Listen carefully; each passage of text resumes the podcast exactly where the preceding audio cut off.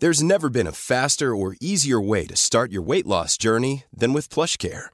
PlushCare accepts most insurance plans and gives you online access to board-certified physicians who can prescribe FDA-approved weight loss medications like Wigovi and Zepbound for those who qualify. Take charge of your health and speak with a board-certified physician about a weight loss plan that's right for you. Get started today at plushcare.com slash weight loss. That's plushcare.com slash weight loss. plushcare.com slash weight loss. Hey, I'm Ryan Reynolds. Recently, I asked Mint Mobile's legal team if big wireless companies are allowed to raise prices due to inflation. They said yes. And then when I asked if raising prices technically violates those onerous two-year contracts, they said, what the f*** are you talking about, you insane Hollywood ass?" So to recap, we're cutting the price of Mint Unlimited from $30 a month to just $15 a month. Give it a try at mintmobile.com slash switch. $45 upfront for three months plus taxes and fees. Promo rate for new customers for limited time. Unlimited more than 40 gigabytes per month. Slows. Full terms at mintmobile.com.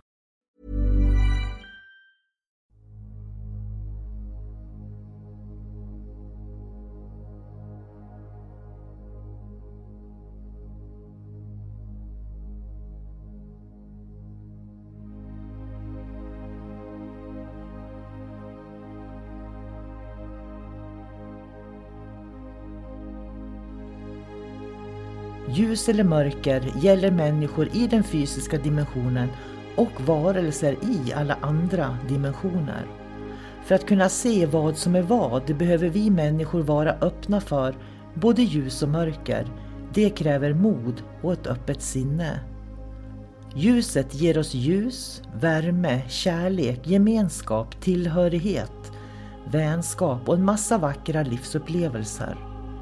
När vi talar om mörkret i podden så är det när vi människor upplever förvirring, kaos, hot, angrepp, manipulation, splittring som bidrar till att man känner sig ensam, isolerad och rädd.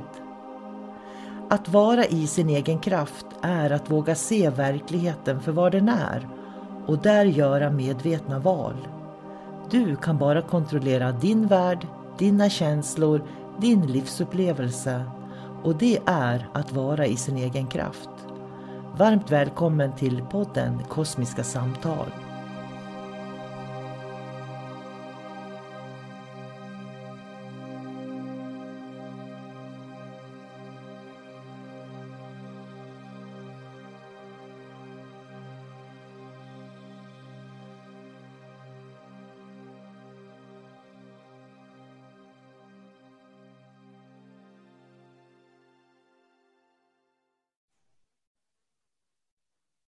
Hej och varmt välkommen till Kosmiska samtal. Jag heter sol karina och Kosmiska samtal har jag tillsammans med David Gran. Så jag säger hej David! Hej sol karina Idag sitter vi med varsin kaffekopp så vi slurpar lite grann. Så beror det på att vi dricker kaffe på varsitt håll mm. samtidigt kanske vi ska säga. För det känns som jag kommer att slurpa lite kaffe mest vi pratar. Eh, idag, vi satt ju och småpratade lite grann om hur borde internet fungera? För internet är ju ett fantastiskt verktyg. Men på något vis så, så har vi inte lärt oss att använda det här fantastiska verktyget, tänker jag. För det var på Instagram, det är en kille jag följer på Instagram, han är jätterolig, men han sa så här bland annat. På internet kan man vara precis vem man vill, sa han. Men jag förstår inte varför människor väljer att vara idioter, sa han. Jag tyckte det var så bra. Förstår du? Man, mm. Vi har verkligen en möjlighet att visa det bästa av oss på något vis och ändå sitter folk och är jättesura. Eh, men hur tänker du kring det? Hur borde vi använda internet? Och hur använder vi det? Hur vi, borde, hur vi borde använda internet? Jag ska säga, nu säger jag vi, men det, jag tror att jag menar inte dig och mig nu, utan jag menar människor. Jag pratar om dem. Ja. De, de och vi. Ja. Men som jag ser det, det, det, ultimata med internet, det är egentligen som... Det skulle fungera som det kollektiva medvetandet. För ni som inte eh, förstår det eller vet om det så är det, det är ungefär så här att allting som, eh, som någon som har tänkt, eller tänkt och har pratat och sagt, det samlas i en bank. Och sen kan alla gå och hämta därifrån vad de nu vill ha. Alltså man hämtar information som finns. Och det är egentligen så internet är nu också. att man kan gå och hämta det man vill ha. Fast nu är det ju mer på, på, en, eh, på en lägre nivå som hör till den här jorden. Vi har skapat ett nätverk där vi kan kommunicera. Så jag kan ju prata med en i Sydney. Om jag vill eh, har en rekommendation om en, eh, ett, ett, intresse jag har, då kan jag gå in i den här datacentralen och så är det någon annan som ger mig information. Och det är så det borde vara, att vi, vi har en, en intention när vi går in på internet, vad vill vi åstadkomma? Och sen hämtar jag den informationen. Och sen är det klart. Det som har hänt med internet nu, det är att vi går in i ett känslomässigt tillstånd när vi är på internet. Så att om jag har haft en dålig dag på jobbet till exempel, och så ska jag skicka ett meddelande till eh, han i Australien som ska ge mig ett, en rekommendation. Då kanske jag blir arg på han och så skriver jag ett meddelande att du är dum i huvudet kan jag skriva tillbaks då. För då går jag in känslomässigt. Och det är där alla problem finns enligt mig. Det är att vi går in känslomässigt. För då får vi ett gensvar tillbaks. Då blir han i Australien också irriterad. Och sen då är allting i gungning. Allt, då börjar man bara agera känslomässigt på nätet. Det tycker jag var en väldigt bra tolkning för att jag tror att verkligen att det är så att beroende på hur människor har haft sin dag. Har jag haft en dålig dag och så tar jag Facebook och så kom, börjar jag reagera på saker som jag ser till exempel.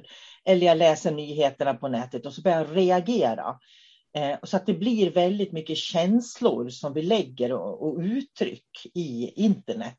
Fast det egentligen borde vara så att vi ska, det ska vara ett informationsfält. För det är ju ett informationsfält som det är egentligen.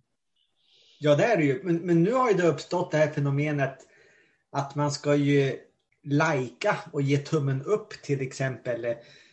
Och det är ju också bara känslobaserat på något sätt. Det har ju ingenting med verkligheten att göra. Om någon har byggt en jättefin båt till exempel och har satt ut en bild på den, varför ska man göra, göra en tumme upp på det?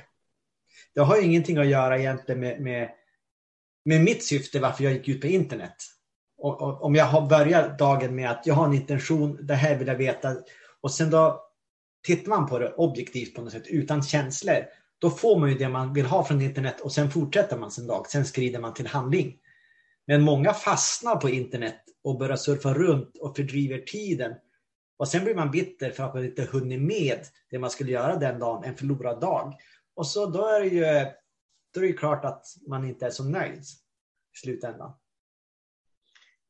Ja, och då har vi egentligen löst problemet med internet på två och en halv minut nu då.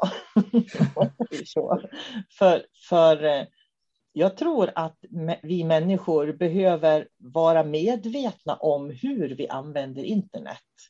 Och jag tänker fortfarande på, det är så lätt att vi pratar om beroende, man kan bli beroende av allt möjligt här i livet. Men det beroendet som är på, av internet, det är ju allra, allra värst tror jag.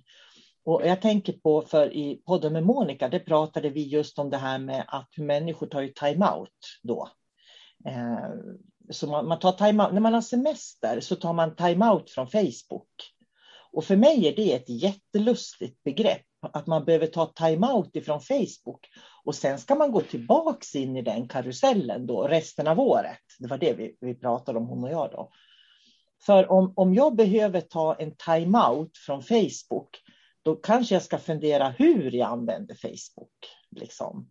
Mm. Och om jag behöver ta time-out ifrån mejlen, då kanske jag ska börja fundera på hur jag svarar på mejl. Så det här med eh, när människor tar time-out ifrån internet är ju en indikation på att man inte kan hantera det, tycker jag. Det är jätteintressant, för uppenbarligen har man ett problem då, när man tänker på det sättet. Men jag tänkte på det, för jag var ju i Italien nu nyligen. Och när jag satt då vid gaten och väntade på att, eller vi väntade på att de skulle öppna upp då så vi kunde lämna in väskorna, då satt jag och så satt en svensk tjej och så satt en svensk, eh, svenskt par, en tjej och en kille då, och de satt bredvid varann. Och vi satt där ungefär en timme och väntade på att de skulle öppna upp då så att vi kunde lämna in eh, väskorna. De pratade inte med varann på en hel timme, men de satt med mobilerna en hel timme. Jag vet att jag tänkte det, om de hade pratat med varann en hel timme, du förstår vad mycket de hade lärt känna varann på den timmen. Men istället satt de liksom antagligen och surfade på sociala medier eller sådär. För att det syns att de surfar, för då går ju fingret. Jo. tittar de på en film, då håller de ju i mobilen still. Men går fingret, då sitter de ju och surfar. Liksom. Ja, och det, det är också lite beklagligt. Nu låter jag som en gammal gubbe, men just det här asociala beteendet som kommer med telefoner. Alltså det är en sak om man vill eh, sitta hemma i sin ensamhet och liksom eh, titta på internet och göra vad man vill. Men sen att man bestämmer med en kompis, nu ska vi umgås, jag kommer hem till dig. Och sen sitter bägge två och bläddrar i telefoner. Det plingar i telefonen, man svarar på sms. Då tänker man ju, varför gör ni inte det där hemma för? Har ni verkligen farit bort på en middag eller någonting för att göra samma sak som ni gör hemma? Då hade ni lika gärna kunnat stanna där. Jag tror att vi människor verkligen behöver tänka till för att jag är ju också väldigt mycket på internet, det vet jag. Och jag vet att jag är för mycket med fingret som går på mobilen också. Så att jag behöver också tänka till ibland hur mycket, vad är det jag tittar på egentligen och, och vad är det jag, eh, varför gör jag det? Eh, jag vet att jag har då och då så kan jag plocka ur Messenger ur mobilen och det är ju för att det kan ju plinga alla tider på dygnet när folk vill någonting. Och då svarar jag oftast vilken tid på dygnet det än är. Men ibland så kan jag känna liksom att det blir för mycket och så plockar jag ur det ur mobilen. Men när jag gör det så känner jag hur jag blir orolig och gärna vill gå in på kontoret till datorn då för att titta vad det är för, för meddelanden jag har fått. Så det finns verkligen ett djupt beroende som man måste vara medveten om, tror jag. Jag, jag, jag är övertygad om att eh, vanorna som en, en telefon skapar till exempel. Det är precis som att telefonen och hjärnan blir synkroniserad. Den lär sig hur den ska bete sig.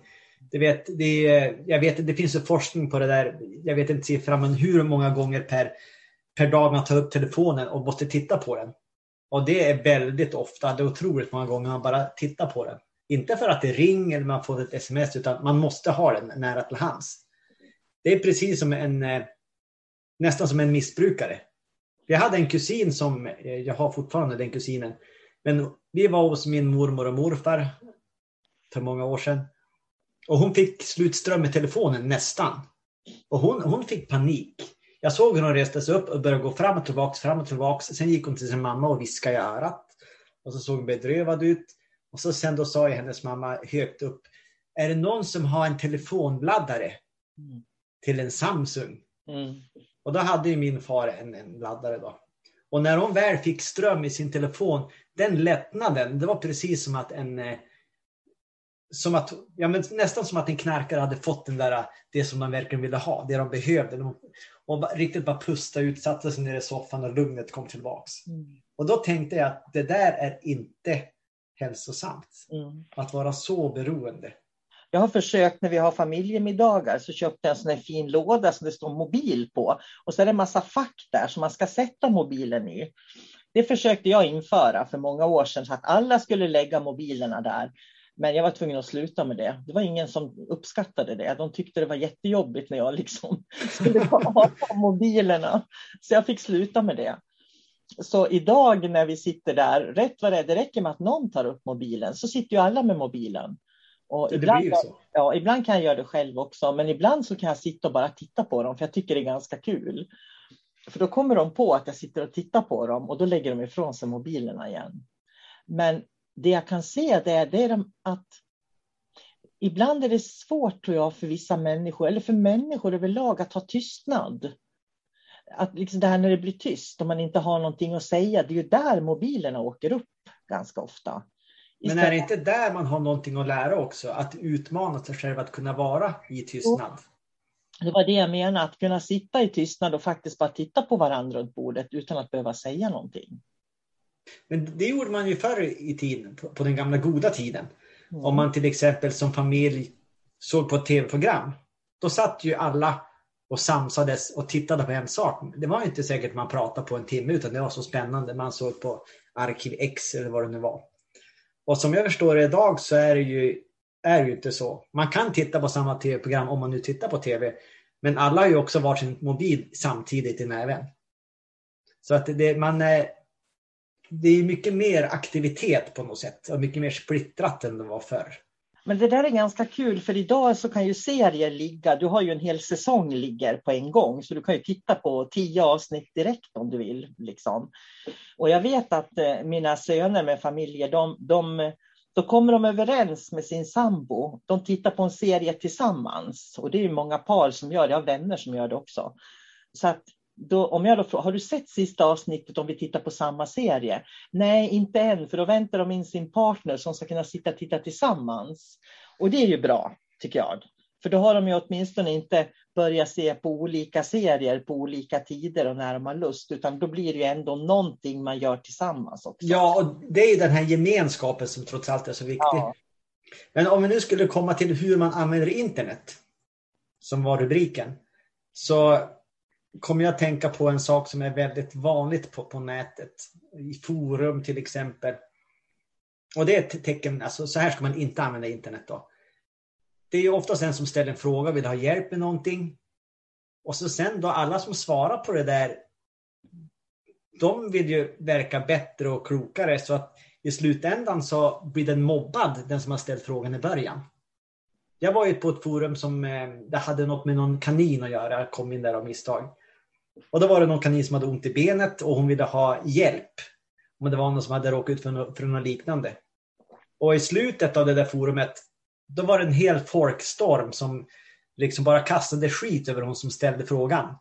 Och då skrev hon tillbaka att jag ville bara ha hjälp av er för att jag bryr mig om djuret och jag vill dess bästa.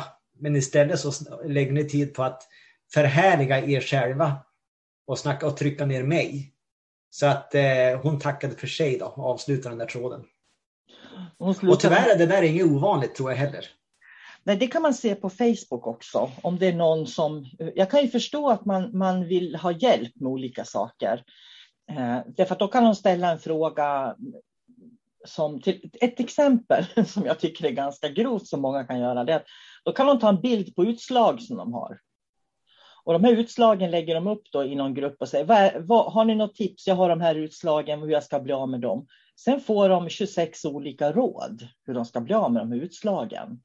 Jag menar, hur ska man veta vilket man ska välja? Hur ska man ens veta att... Förstår du? Det, det finns så mycket. Jag tänker så här att det vore ju mycket bättre att ta de där utslagen och gå till en läkare först och främst.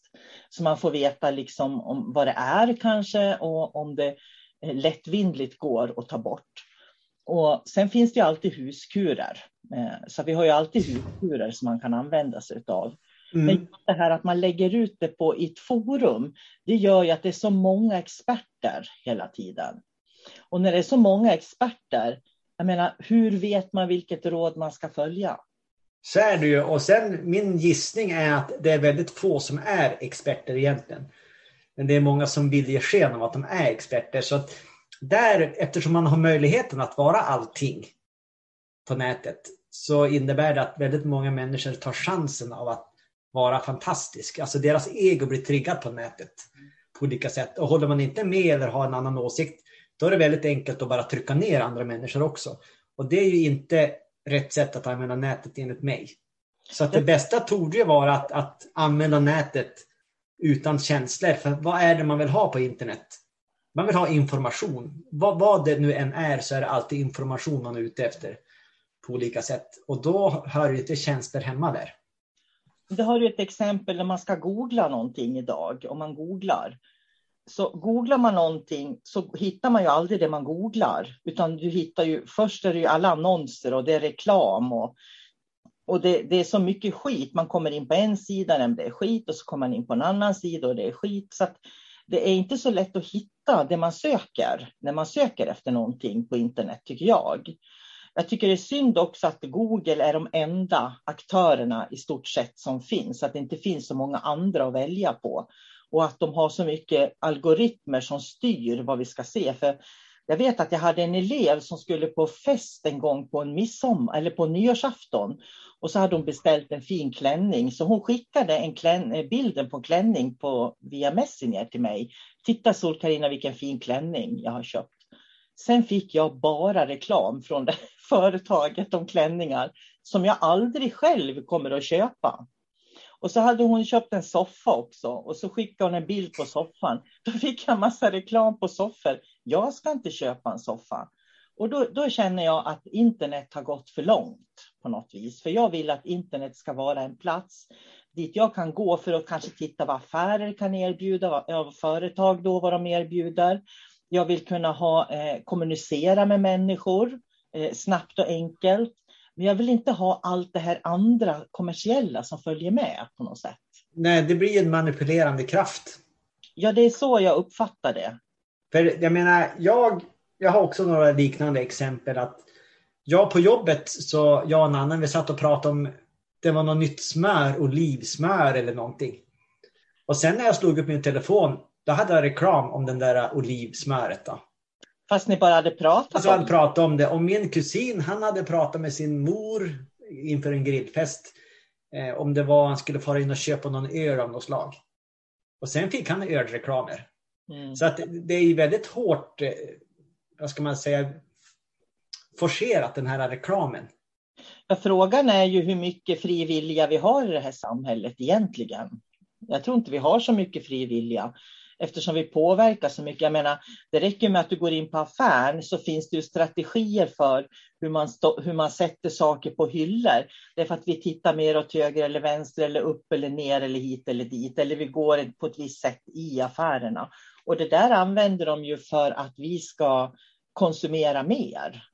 Ja, och sen ska vi inte underskatta det här att, att alla stora aktörer, de har ju alltså välutbildade psykologer som arbetar med marknadsföring.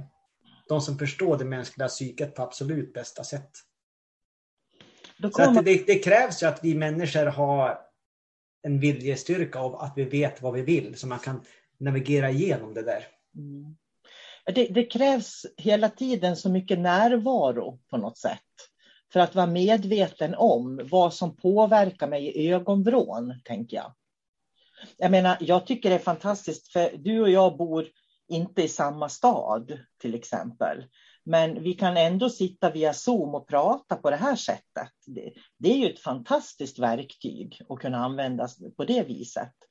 För det gör ju att vi kan podda då som vi gör nu och, och ha den kontakten och, och faktiskt få en, en, lära känna varandra bättre också mot om vi skulle ha träffats fysiskt. För det hade inte blivit så ofta när det är så långt ifrån. Så vi har ju en möjlighet att faktiskt utveckla relationer, starka och bra relationer idag också genom internet. Ja, in, internet är, det är ju i grund och botten en bra uppfinning. Mm. Det är bara hur vi använder det, det är det som spelar roll. Mm. Och använder man inte internet på ett medvetet sätt så finns det stor möjlighet att vi blir zombies egentligen. Mm. Att vi avskärmar oss och går in i, börjar leva vårt liv på internet. Och där, vi, vi är ju inte digitala människor som är på internet utan vi är fysiska varelser. Jag brukar tänka på det ibland. Vad skulle hända om strömmen gick i en vecka? Hur, hur skulle människor kunna hantera, låt säga att vi kan ha eh, lampor och spis och så där, så vi kan åtminstone liksom laga mat och ha ljus i rummen och så. Men låt säga att all, all mobilverksamhet skulle läggas ner i en hel vecka. Inget internet, inga mobiltelefoner på en hel vecka. Det skulle vara ganska spännande att se vad som händer med människor. Jag tror att man skulle bli, jag tror att man skulle bli så där som man ser på skräckfilmer ibland, vet du. Eh, när som, som zombisar ungefär. Mm.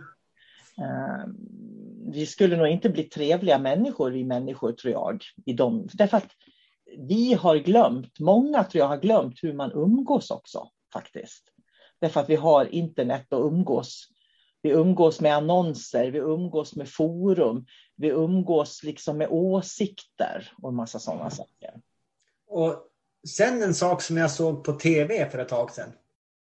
Det var att, jag tror att det var Japan eller Kina där finns det ju, för de som inte har riktiga vänner, så finns det ju appar som man kan skicka meddelanden till och sen skicka dem tillbaks. Alltså, det är precis som att jag skulle skicka med meddelanden till en kompis, men det är en dator egentligen som skickar tillbaks. Och så höll de på, för de hade inga vana människor, utan de, de skickade bara till sin, eh, sin, sin app. Då. Ja, vad gör du idag? Då? Jag saknar dig och sådana där saker. Och ska vi hitta på någonting i helgen? Och sen var det en undersökning som visade att väldigt hög procent av de som hade den där appen uppskattade dator, eh, datorappen, då, alltså datorn, lika mycket som vanliga människor. Mm. Ja, det, det, är intressant utveckling. Jag kommer ihåg när mobiltelefonerna eh, kom. Jag är ju så gammal så jag har ju verkligen levt i en era där det inte fanns mobiltelefoner om man säger så.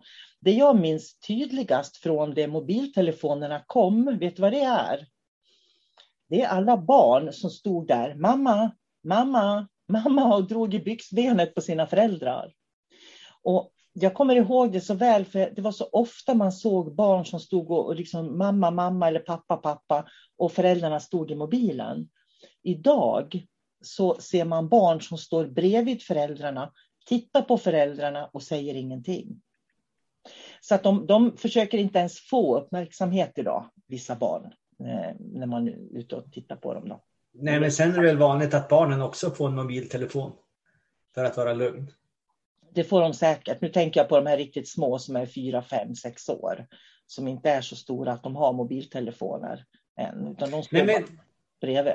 Det är klart, de har ju vant sig vid det här systemet då. Eh, tragiskt nog kanske man ska säga. Det är det jag tror.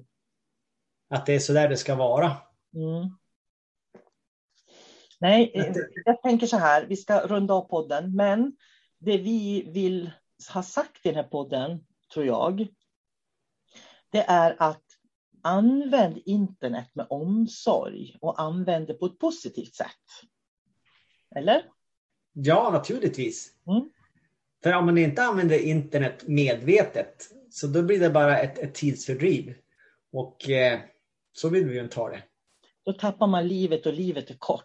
Det ska man vara mm. rädd om, tror jag. Mm. Hörru du David, tack för idag. Ja, Intressant tack själv. att fördjupa sig lite grann i internet tycker jag faktiskt. Jag skulle bara vilja tipsa om en sak, ett litet tips här. Att om man skulle sluta använda sin mobiltelefon, alltså sin smartphone och bara använda dator istället. Då tror jag att livet skulle förändras väldigt mycket. För om man då skulle gå och kolla mejlen eller fara på Facebook, då blir det under en kort tid. Sen går man ut i livet igen. Så att jag tror att det skulle göra väldigt stor skillnad jämfört med att alltid ha möjligheten att gå ut på internet. Mm. Så man skulle få mer av livet om man hade en knapptelefon och internet istället för en smartphone. Det är bara en gissning. Men då behöver man ha de här gamla tidernas telefon med jack i väggen, tänker jag. Nej, men det kom ju mobiltelefoner. Om någon ska ut... ringa till en. Ja, men man hade ju, alltså inte smartphones, men det finns ju sådana här mobiltelefoner som man bara har en knappsats och som ja, man bara det. kan ringa och skicka sms med. Inte ens jag är beredd att gå tillbaka till det, känner jag. jag hade ju en, eh, en kompis som gick tillbaks till en vanlig sån där knapptelefon för att han kunde inte hantera en smartphone, sa han. Det tycker jag var väldigt intelligent, måste jag säga. Att vara medveten om att man inte, för kan man inte hantera en smartphone, då ska man inte ha det heller. faktiskt. Nej, för han insåg att han bör, han, telefonen började styra hela hans liv istället. Jag och då tror... var det mycket bättre att han satte sig vid datorn när han ville göra någonting. Och då, gjorde han, då fick han kvalitetstid på datorn. Jag tror att vi i framtiden kommer att se mer människor faktiskt som eh, går i, på rehabilitering för eh, beroende, smartphone-beroende. Jag tror att det är nästa generations eh, beroendeterapeuter som kommer att komma. Om jag nu ska titta i min kristallkula lite grann så tror jag det. Mm. För det kommer att komma till en punkt, jag menar det vet man ju redan att det inte är hälsosamt för hjärnan till exempel. Men det kommer att komma till en punkt när människor inte kan hantera sina vanliga liv på grund av sina smarta telefoner. Och då kommer det att bli ett samhällsproblem i framtiden. Men jag tror inte att det är våra generationer. Jag tror att det är generationerna som kommer efter oss faktiskt. När de blir mer integrerade med tekniken. Ja, och det är därför som det här är ju ett sätt om man nu, att liksom också få in den här artificiella intelligensen i samhället. För att ju mer beroende vi blir av maskiner och desto mindre vi, vi eh, klarar av fysiska relationer så kommer man ju att välja det artificiella bara för att det är enklare. Det är det man känner till. Men, men ibland så kan jag längta efter en riktig kraftig solstorm. Det, det var ju någon, en, en, som jag kände som sa det att, jag vet inte om det stämmer, men tydligen på 1800-talet var det någon jättekraftig solstorm någon gång så att så här, telegrafstationer började brinna. Och Oj. skulle det vara en lika kraftfull solstorm idag så då skulle enligt han så skulle elektriciteten vara borta i tio år. Oj! Man skulle ju kunna ha backup-system som man får igång vissa saker men innan det var fullt återställt så skulle det ta tio år. Det var någon rapport han hade läst. Och undrar hur det skulle gå med mänskligheten då. Ja, jag undrar hur mycket sanning det fanns i det också. Ja, det, det, går ju, det är väl upp till de som lyssnar nu att gå ut och forska på det. Ja, Men alla åtminstone tänkte tanken. Ett år helt utan ström. Hur skulle livet se ut? men jag har en kompis i Göteborg som är fullt utrustad för katastrofer om man säger så. Eh, hon har mat och, och sånt så hon klarar sig om det ska hända någonting i sitt hus. Eh, och, och det är nog fler än vad man tror som har sett, sett till att de liksom har det de klarar sig vid en kris. Jag menar vi som bor i stan och i lägenheter, vi, vi är ju de första som ryker kan man ju säga. Om det Ja. skulle bli något sånt. För att det är ju en sak för dig som bor, som som är väldigt självförsörjande på många sätt. Du skulle ju klara dig betydligt längre än vad jag skulle göra om man ser det så då. Ja, så är det ju. Jag menar, bor man i lägenhet i en stad och så är det vinter ute. Mm. Det, för det första så antar jag att all mat tar slut inom en vecka. Det blir upplopp och alla affärer blir länsade. Och så kommer det inte några nya transporter dit. Så det är som kört. Och så sen när eh, man inte kan värma upp bostäderna längre, då blir det jobbigt. Mm.